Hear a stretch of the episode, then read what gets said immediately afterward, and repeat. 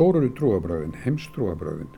Þessar stofnanir hafa verið innviðir í, í menningarlífi vankinsins og skipt löndum og svæðum í heiminum en eru þær að renna sitt skeið?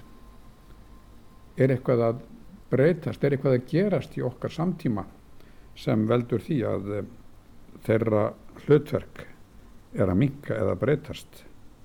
Jésteil Lúðvíksson, reytumundur, hann hefur kynnt sér trúarbröð og andlegar leiðir um langt ára byll.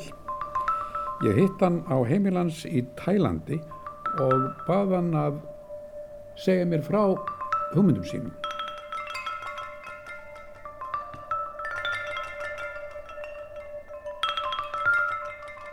Þegar við tölum um trúabröð þá eigum við í dag e, yfirleitt við skipulög trúabröð og skipulög trúabröð þau er ekkert mjög gömul. Nú við getum líka sagt e, tegundin homo sapiens hún er heldur ekkert mjög gömul ef við miðum við upprönda lífsins á jörðinni. Og áræðilega mjög snemma verður til einhvers konar átrúnaður. Það er á þessu skeiði sem við trúum á stokk og steina stundum er sagt.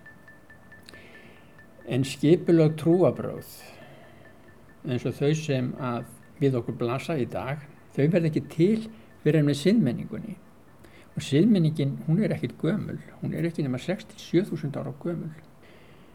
Og á þessum tíma siðmenningarinnar þá hafa heimsveldi komið og farið framleiðslu hættir myndast og horfið svo ekki sé minnst á stjettir og valdablokkir og sama gildir um trúabröð. Trúabröð hafa á þessum skamma tíma komið og hnignað og horfið inn í önnur trúabröð eða ný trúabröð. Nú við þekkjum þetta á Íslandi e, þegar Íslandingar taka kristni þá er fyrir átrúnaður sem að líður smám saman undir lok.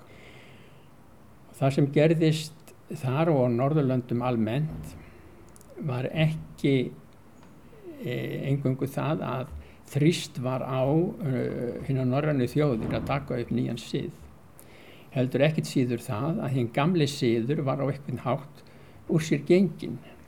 Hann þjónaði ekki lengur þeim uh, tilgangi sem hann gerði áður en þá ljósara er þetta ef við tökum með mið af löndunum við miðjar af á fyrstu öldunum eftir Krist þá er augljóst að e, trúabröð Gríkja og Rómverja þau eru farin að högta þau hafa ekki, þau njóta ekki lengur þess tröst sem þau hefðu áður þannig að það var ekki erfitt fyrir valdastjættin í Rómaveldi að svo segja kasta sinni gömlu slittnu flík og taka upp nýja og betri.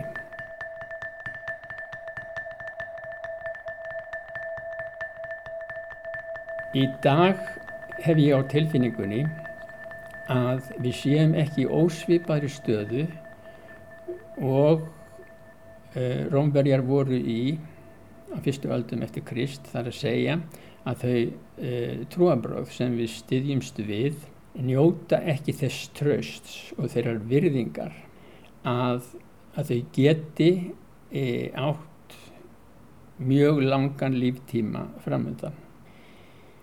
Það er eitthvað tómarum í öllu kerfinu, hvar sem er í heiminum.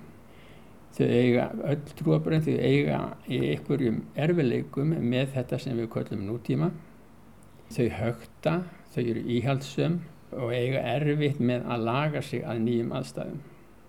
En þau þjóna samt sem áður en þá þörf okkar fyrir helgisiði, e, helgi aðtapnir og hátíðir.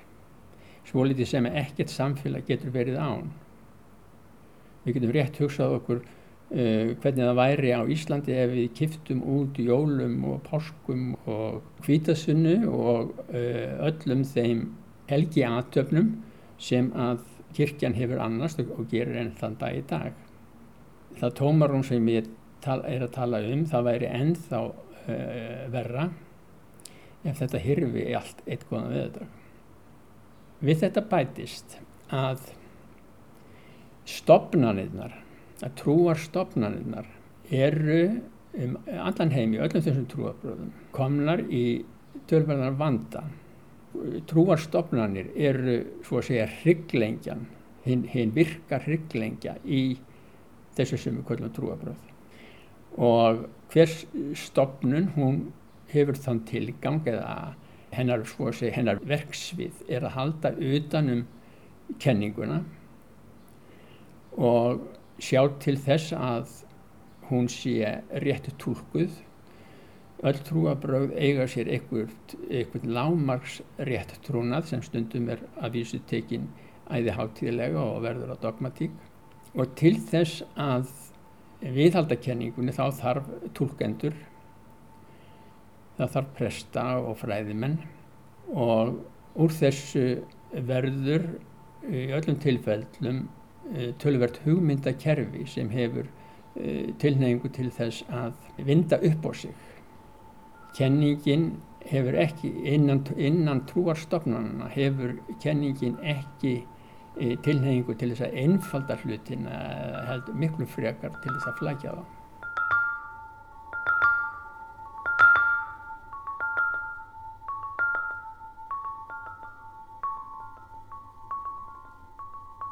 Nú trúarstofnunin, hún sér fyrst og síðast um það sem að hér verður kallað átrúnaður til aðgreiningar frá trú. Það þýðir ekki að e, það get ekki verið það sem ég kalla trú innan trúarstofnana en reyndin hefur verið svo að, að raunveruleg trú, hún er eitthvað staðir í jæðri stofnanana eða rétt fyrir utan þær. Hún getur sótt styrksinn í átrúnaðin en e, hlutverk stofnunar er að sjá um átrúnaðin. Nú átrúnaður er þörf okkar fyrir hugmyndir og vissu sem að gerir okkur örugari og gerir okkur kleift að skilja samhengi hlutana og veit okkur það öryggi og þá von sem við þurfum sem einstaklingar og hópar og þjóðir jáfnvel. Kjarnin í þessu er þörf einstaklingsins fyrir það að lifa af sem einstaklingur og persóna. Þetta gerir það að verkum að í öllum trúarstofnunum er gert ráð fyrir framhaldslífi eftir líkamstöðan. Þessi partur átrúnarins hefur oft orðið æði fyrirferða mikill en trúabröðun eru grunnsamlega mistíga í tólkunin á þessu. Trú aftur á móti er þörf okkar fyrir beina upplifun, beina reynslu af því sem að kenningin hinn uppaflega kenning felur í sér. Trú sækist ekki endilega eftir öryggi personunar, öryggi einstaklingsins. Hún sækir kraft sinn í það sem er jáfnvel handan við hugmyndir. Ef átrúnaður er það að e, sveipa sig hugmyndum, koma sér fyrir í hugmyndakerfum og láta sér líða vel í hugmyndakerfunum, þá er tilneyingin í trúni að fara út fyrir og trista á það sem er handan við hugmyndirnar. Þó svo að hugmyndirnar séu nýttar, tilnefingin er svo að leiðrétta hugmyndir. Við nýtum okkur hugmynd til þess að losa okkur við ránkhugmynd. Þessu stundum líkt við, við, við flýs, við fáum flýs í holdið og við notum aðra flýs til að, að losa um hana. Setni flýsin, hún getur síðan orðið eitthvað sem við þurfum að losa okkur við.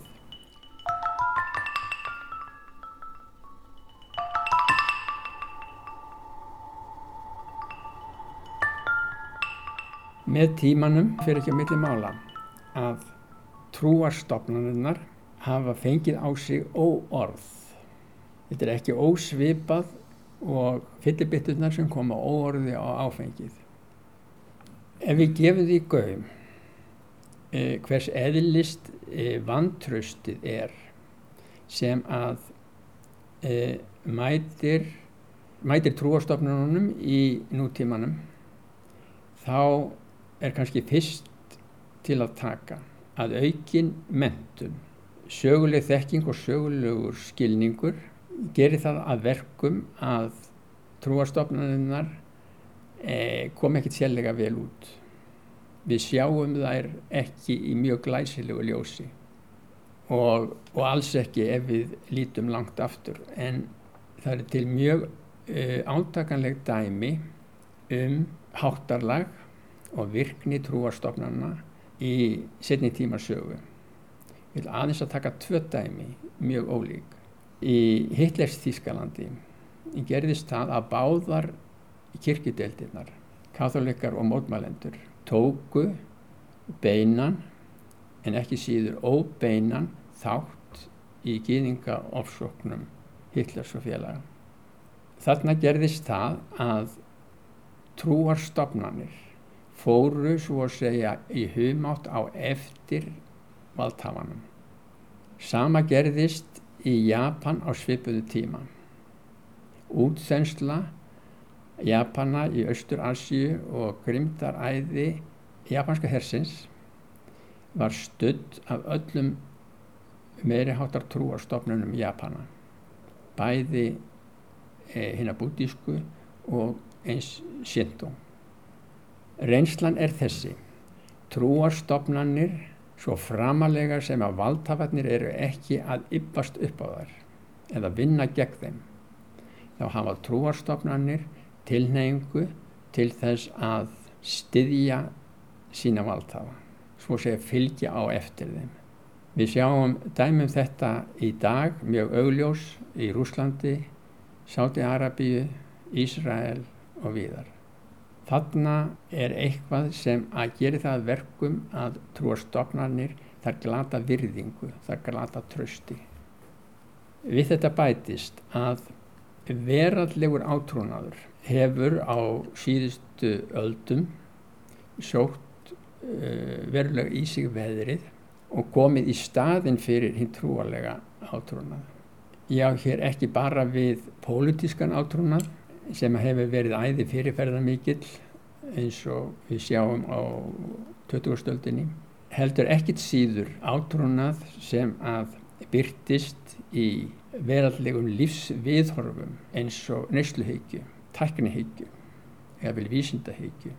Þarna er eins og trúastofnaninnar hafi mist spón úr sínum aski. Við þetta bætist að það er augljóst að trúastofnaninnar þar bregðast ekki við því sem að hrjáir mannfólkið og bregðast ekki við því sem að hamlað getur andlegri velferð manna hvar sem er í heiminum.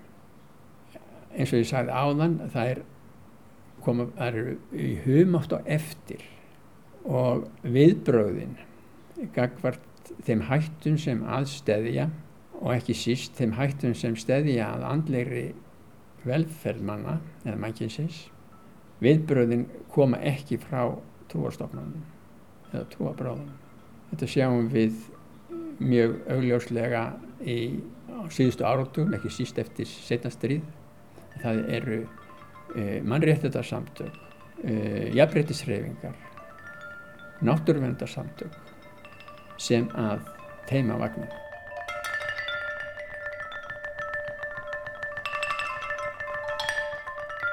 Nú, allar trúastofnanir eru íhaldsamar.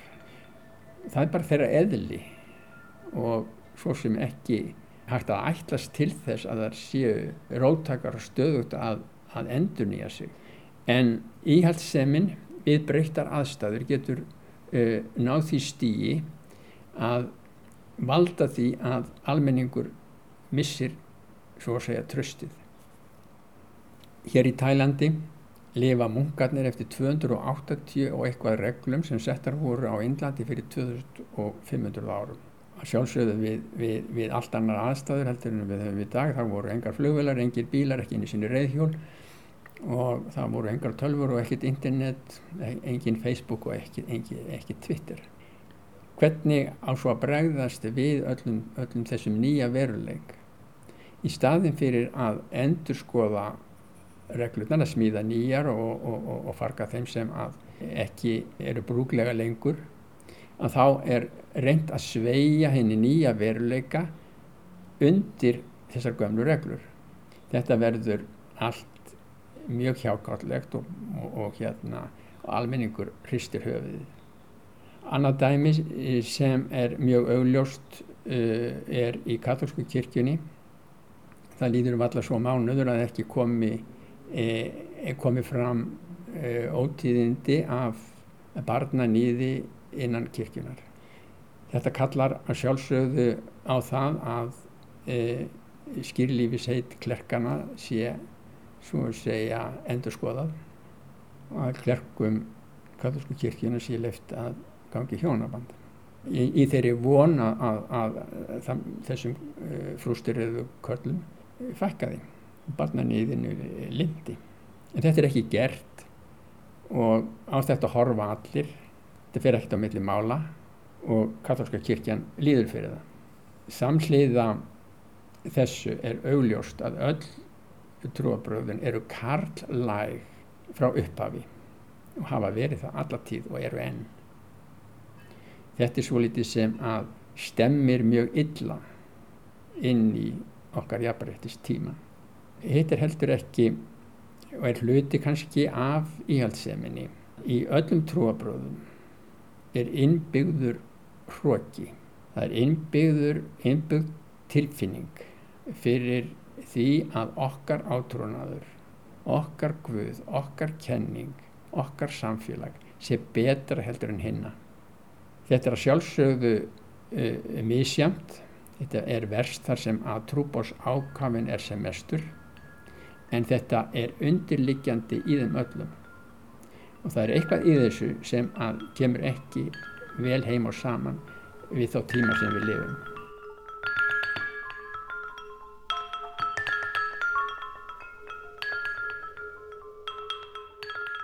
Nú síðast en ekki síst þá er eitthvað í grunninum á öllum þessum trúabröðum sem má draga í efa eitthvað sem að kalla mætti grunnskekkjur sem að trúabröðin og ekki síst stofnaröðnar hafa liðið fyrir. Í Östurlöndum, bæði í bútisma og í hinduarsið og kannski verðt að taka það fram að það sem að kallaðir hinduarsiður er að stórum hluta utan við trúarstofnanir en í öllum hinduarsið er í grunninum hugmyndin um karma og karma lögmála og þar með endur holdkun á grundvelli karma lögmálsins. Í bútismannum er þetta öðruvísi en þó ekki í meginatriðum. Bútismin gerir ráð fyrir endur fæðingu en útskýringin er á grundvelli hins gamla hinduíska karma lögmáls. Karma er uppaflega tilraun til þess að útskýra orsök og afleðingu í mannlífinu en verður að lagmáli, dogmatísku lagmáli sem að er tilraun til þess að útskýra það sem í rauninni er óútskýranlegt. En að kippa þessu út úr þessum trúabröðum er ekki svo einfalt og mín tilfinning er svo að þessi trúabröð muni, eða rétt að sagt kannski trúarstofnarinnar og átrúnarin muni líða undir lok með þessum hugmyndum.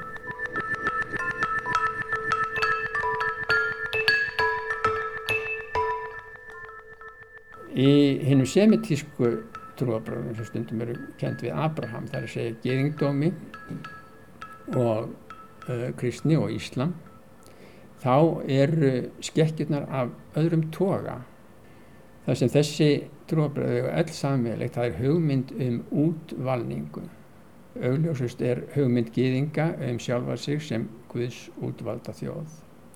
Í Íslam grunnhugmynd í hinnum íslamska átrúnaði er svo að, að, að Muhammed sé síðasti spámaðurinn. Þessi hugmynd er alveg augljóslega farin að há hinnum íslamska trúarheimi. Íslam á erfitt gagvart nýjum tíma. Það er margt sem að þyrti að endurskoða en það er ekki hægt. Sá sem að hver, hver, hver sá sem gerir eitthvað tilraun í þá átt hann setur sig út af sakramentinu. Hann gerir sig að nýjum spámanni og það er svo að segja bannað. Þessi útvalningar hugmynd er líka í kristninni. Það er að segja við lítum svo á að Guð persónlegu Guð hafi í eitt skipti fyrir öll ofinberar sig mönnum í manni, það er að segja Jésu Kristi. Hann er svo að segja út valin þessi hugmynd hvernig sem hún er til komin þessi hugmynd er eða á grundvelli þessara hugmyndar getum við sagt að kristni menn hafi ofsótt gýðinga í Európu öldum saman. Og á grundvelli þessara hugmyndar kemur önnur hugmynd sem hefur orðið æði fyrirferða mikil í kristindónum það er að segja friðæðingarkenningin án útvalningar krists væri engin friðæðingarkenning þessi hugmynd að persónuleg Guð ofinberi sig mönnum í manni hún er ekki, einskorðast ekki við kristindómin þessi hugmynd er líka í hinduarsið en hún er svo að segja líðræðislegri þar þar að segja þetta getur gerst eh, hvar og hvenna sem er. Það er engin útvalin. Allir geta endurfæðst eins og Kristu allir geta vakna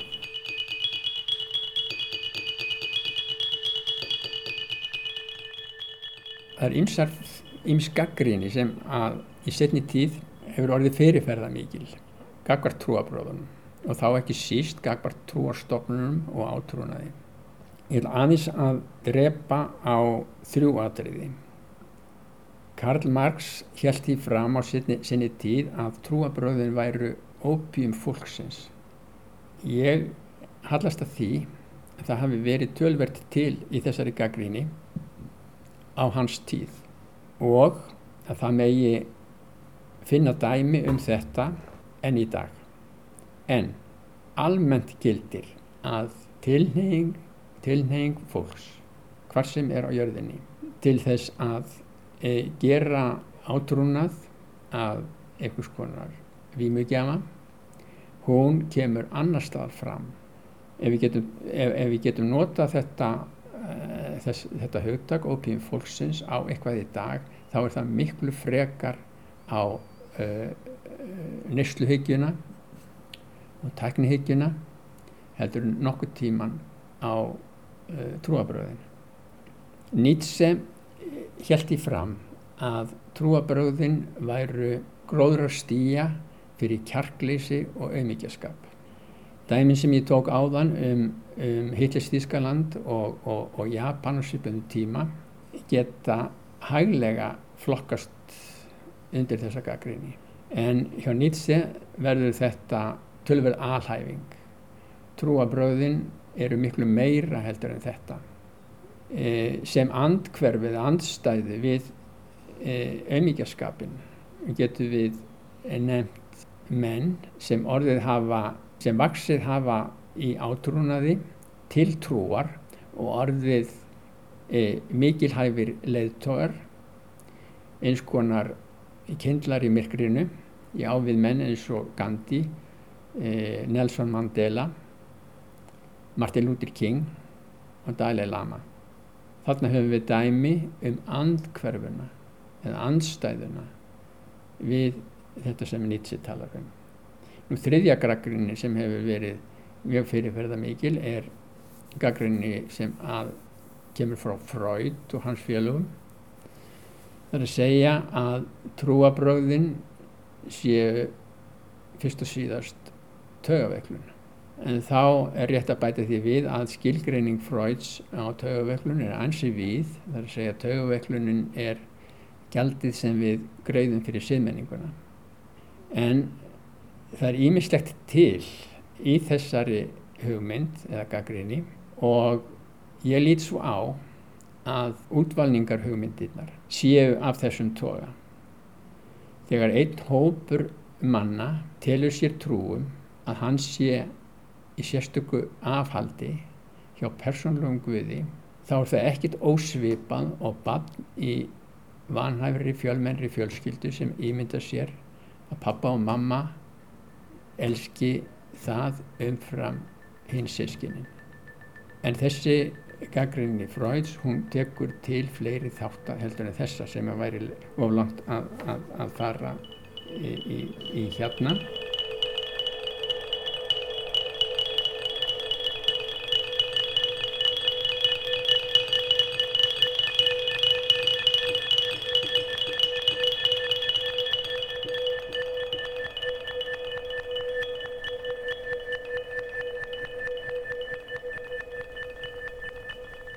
Þá erum við komin að hinum pólunum í þessu sem að við kennum við skipil og trúabröð.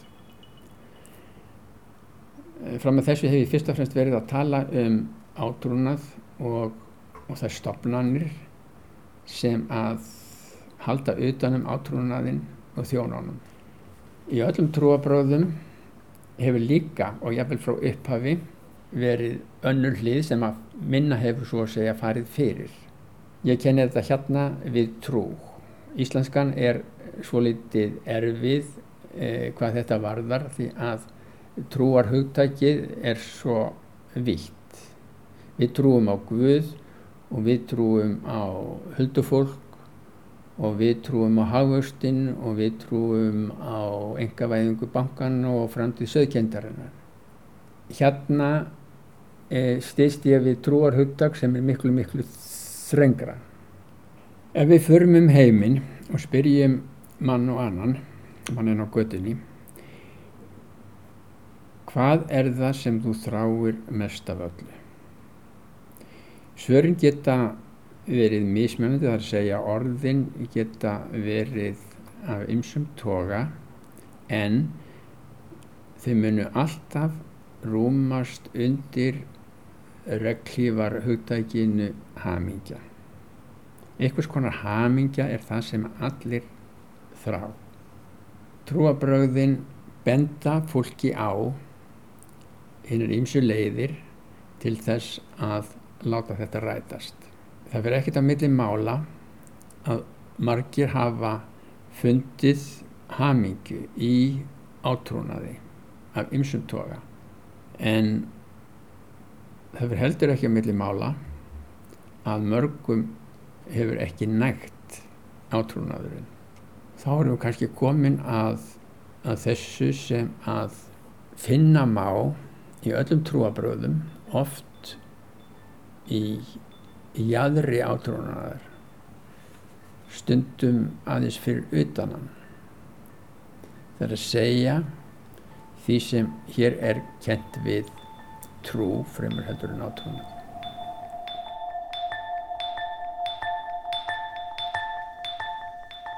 Trúar þörfin, hún gengur lengra. Hún miðar ekki engöngu að skjót fenginni hamingju eða stundar ánægu eða því að eiga góðar stundir eða jafnvel það sem stundum er kallað gott líf. Hún miðar að því sem er satt í merkingunni bein upplifun af hennu trúalega veruleik. Hinn trúaði lætur sér ekki hugmyndirnar næja sem skjól og stuðning. Hann þarf svo að segja að finna það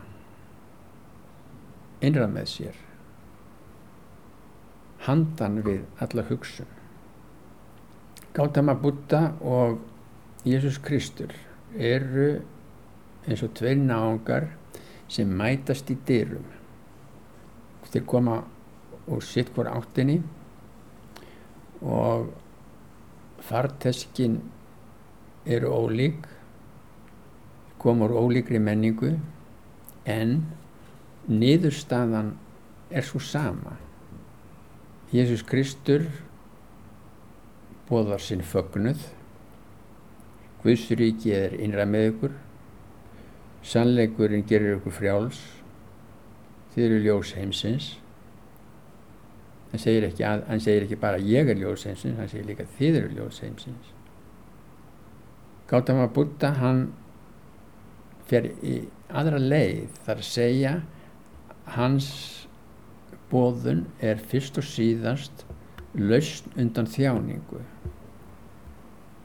Ekki lausn undan sársöka sársökin er óhjákvæmilegur heldur lausn undan egoþjáningu það er að segja það er ég sem þjáist það er persónan sem þjáist. Og handan við þjáning hvað er handan við þjáninguna? Jú það er einhvers konar hamingja sem er handan við þjáninguna grunnstefið í þessu hjá Gautama Buddha er hugmyndin um sjálfsleysið að fara handan við þjáninguna er það sama og að fara handan við hitt takmarkaða innra sjálf. Í bútismannum er þetta eins konar nýbyrjun. Þetta er það sem að það er kallað vöknun, í kristninni er talað um endurfæðingu frekar.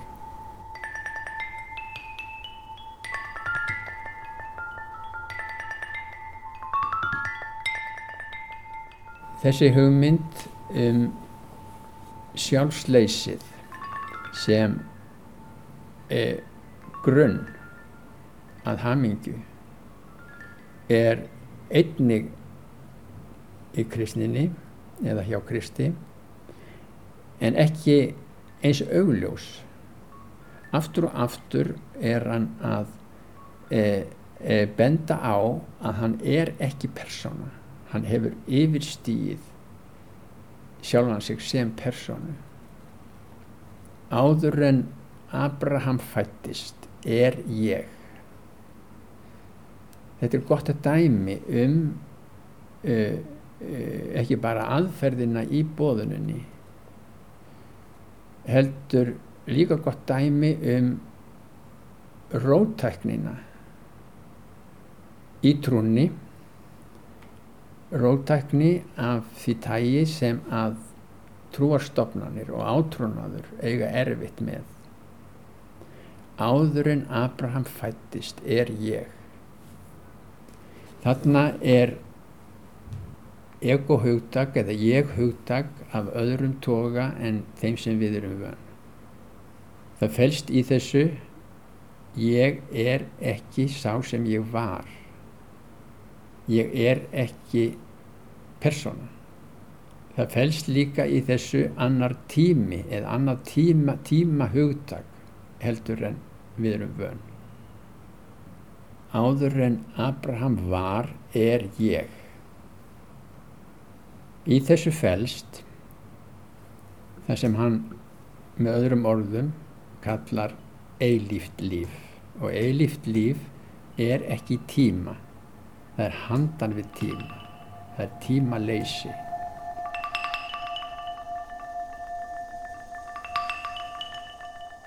Fyrir hinn trúaða þá er þetta ekki kenning þetta er bending í átt að byrni reynslu. Þetta er tjáning Krists á byrni reynslu. Við getum jáfnveg sagt tilraun til þjáningar og beinni reynslu. Því rauninni eru engin orði yfir þetta. Það sem að gerir alla trúartjáningu erfiða er þetta að það er svo margt sem er falið í orðum og það er svo margt sem að týnist í orðum. En ef hinn trúaði tekur þessu sem augrun og áskorun þá felst í því að hann þarf að kanna málið. Hann þarf að kanna byrju, hvað er ég? Og hvað er tími? Og hvað er ég í tíma? Og hvað er handan við tíman það sýnir sig að þetta hefur, er ekki fyrir alla og hefur aldrei verið og heldur ekki e, e, annað sem ég ætla að nefna og er einhver staðir í Guðspjöldunum en er af þessum toga. Sá sem bjargar lífi sínu glatar lífi sínu þar að segja sá sem heldur utanum og varðveiti sitt persónulega líf hann týnir sínu eilífa lífi sínu tímalausa lífi. Aftur kemst hinn trúaði leitandi kemst ekki hjá því að spyrja sig veitu hvað er ég núna er ég fastur inn í mínu persónlega sjálfi og eða hef ég möguleika á því að svo segja verða nýr og öðlast þetta sem Jésús Kristur kallar eilift líf handan tímans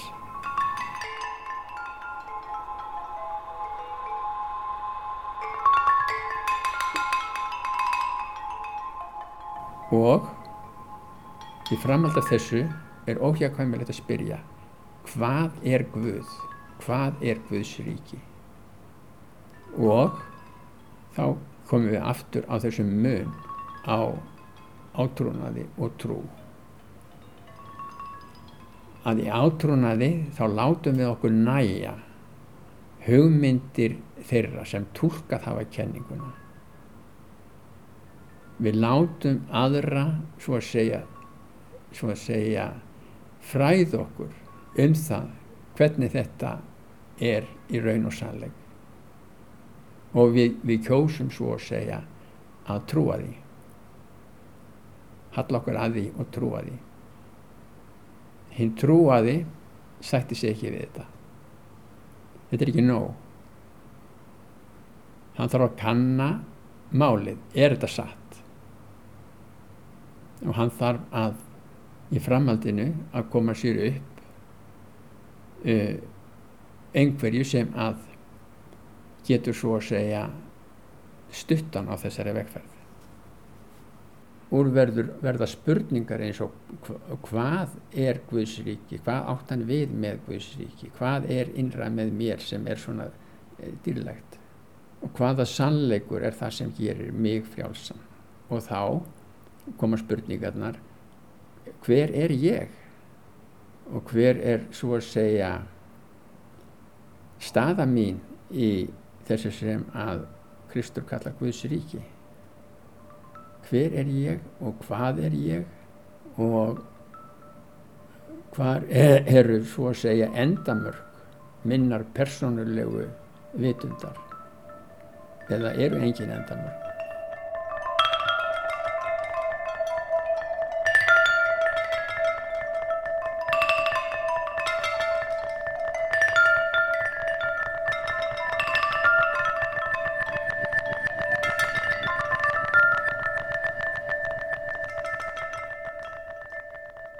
Mæster Eckhart sem var dominikansku munkur um 1400 og einna fremstu mystikurum kristindómsins.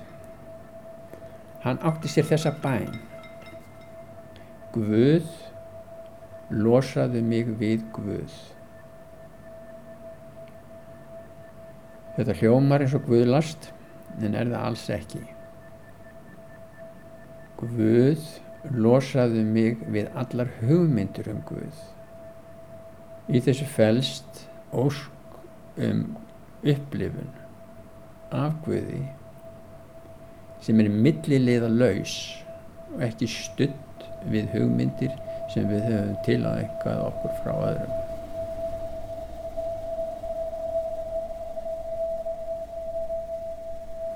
En róttakari hugmynd er hafð eftir Jésu Kristi í Tómasarkuðspjalli ég gef ykkur það sem ekkert auga fær séð ekkert eira fær heyrt engin hönd fær snert og engum hefur nokkur tíma komið til hugar. Ég gef ykkur það sem ekkert auga fær séð ekkert eira fær heyrt engin hönd fær snert og engum hefur nokkuð tíma komið til hugar.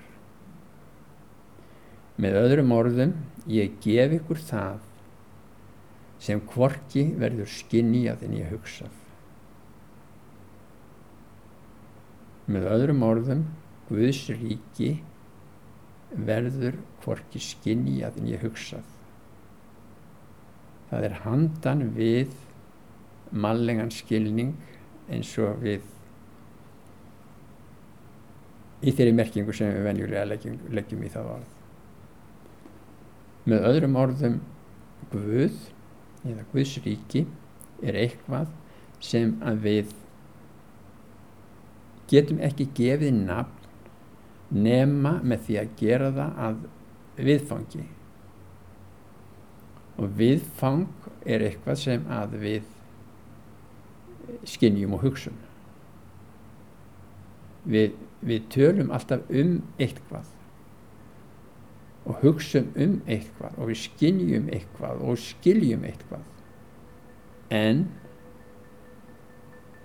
þarna segir Kristur þetta verður ekki skinnjað, þetta verður ekki hugsað og þar alveg þetta verður það ekki skilið í venjum skilningi.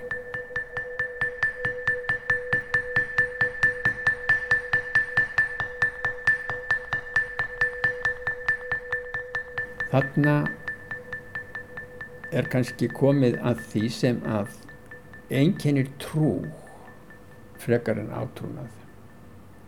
Trúin, hún, hún krefst e, innsæis, hún krefst kjarks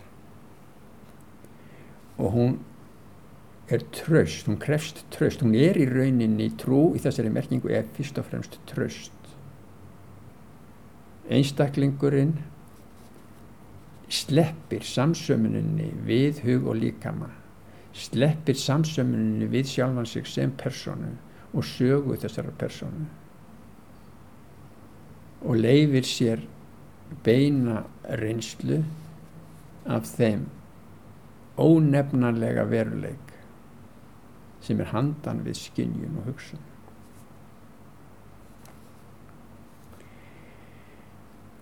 Og þá spurningin, er þetta eitthvað sem á framtíðina fyrir sér? Hvar er trú eða trúin stödd í umróti nútímans og ef að e, skipulöð trúabröð í þeim myndum sem við þekkjum í dag ef að þau eru að renna sitt skeið, hvað verður nú trúna? Mín tilfinning er svo að trúar stopnaninnar muni fyrir þau síðar eh, renna sitt skeið. Hvað það tekur langan tíma, það get, getum við ekki vita, það getur tekið einhverja aldir, en eh, þörfin fyrir trú og trúarlegan skilning, hún hverfur ekki. Öll svo reynst, trúarlega reynsla sem að trúabröðin fela í sér þetta mun ganga inn í, þetta mun ekki hverfa, heldur ganga inn í það sem á eftir kemur, hvað sem það verður.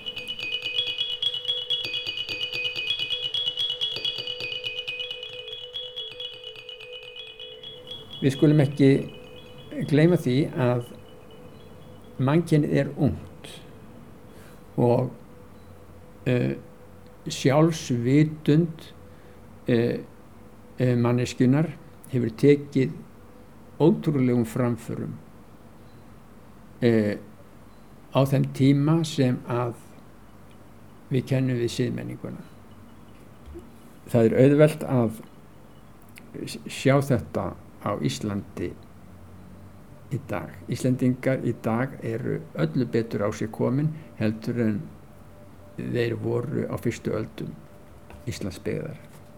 Hvernig e, þetta verður eða hvað gerist eða hvernig þróunin verður er að sjálfsögðu mjög erfitt að segja til um og ég er ekki það spámanlega vaksin að ég tristi mér til þess. En ég get ímynda mér að einhver tíma geti komið að því. Og þegar ég segi einhver tíma þá er ég ekki að, að, að hugsa um, um, um 100 ár eða 1000 þetta er kannski 200-250 þúsund það er að segja þann tíma sem að homo sapiens hefur verið á jörðinni. Ef við hugsaum okkur kannski eftir 250.000 ár ef ekkert e, verður til þess að, að mannkennið e, svo að segja útrými sér þá getur ímynda mér að, að svo stund að þeir tímar renni upp að hver og einn geti sagt sem tjáningu á sinni beinur einslu áður en Abraham var er ég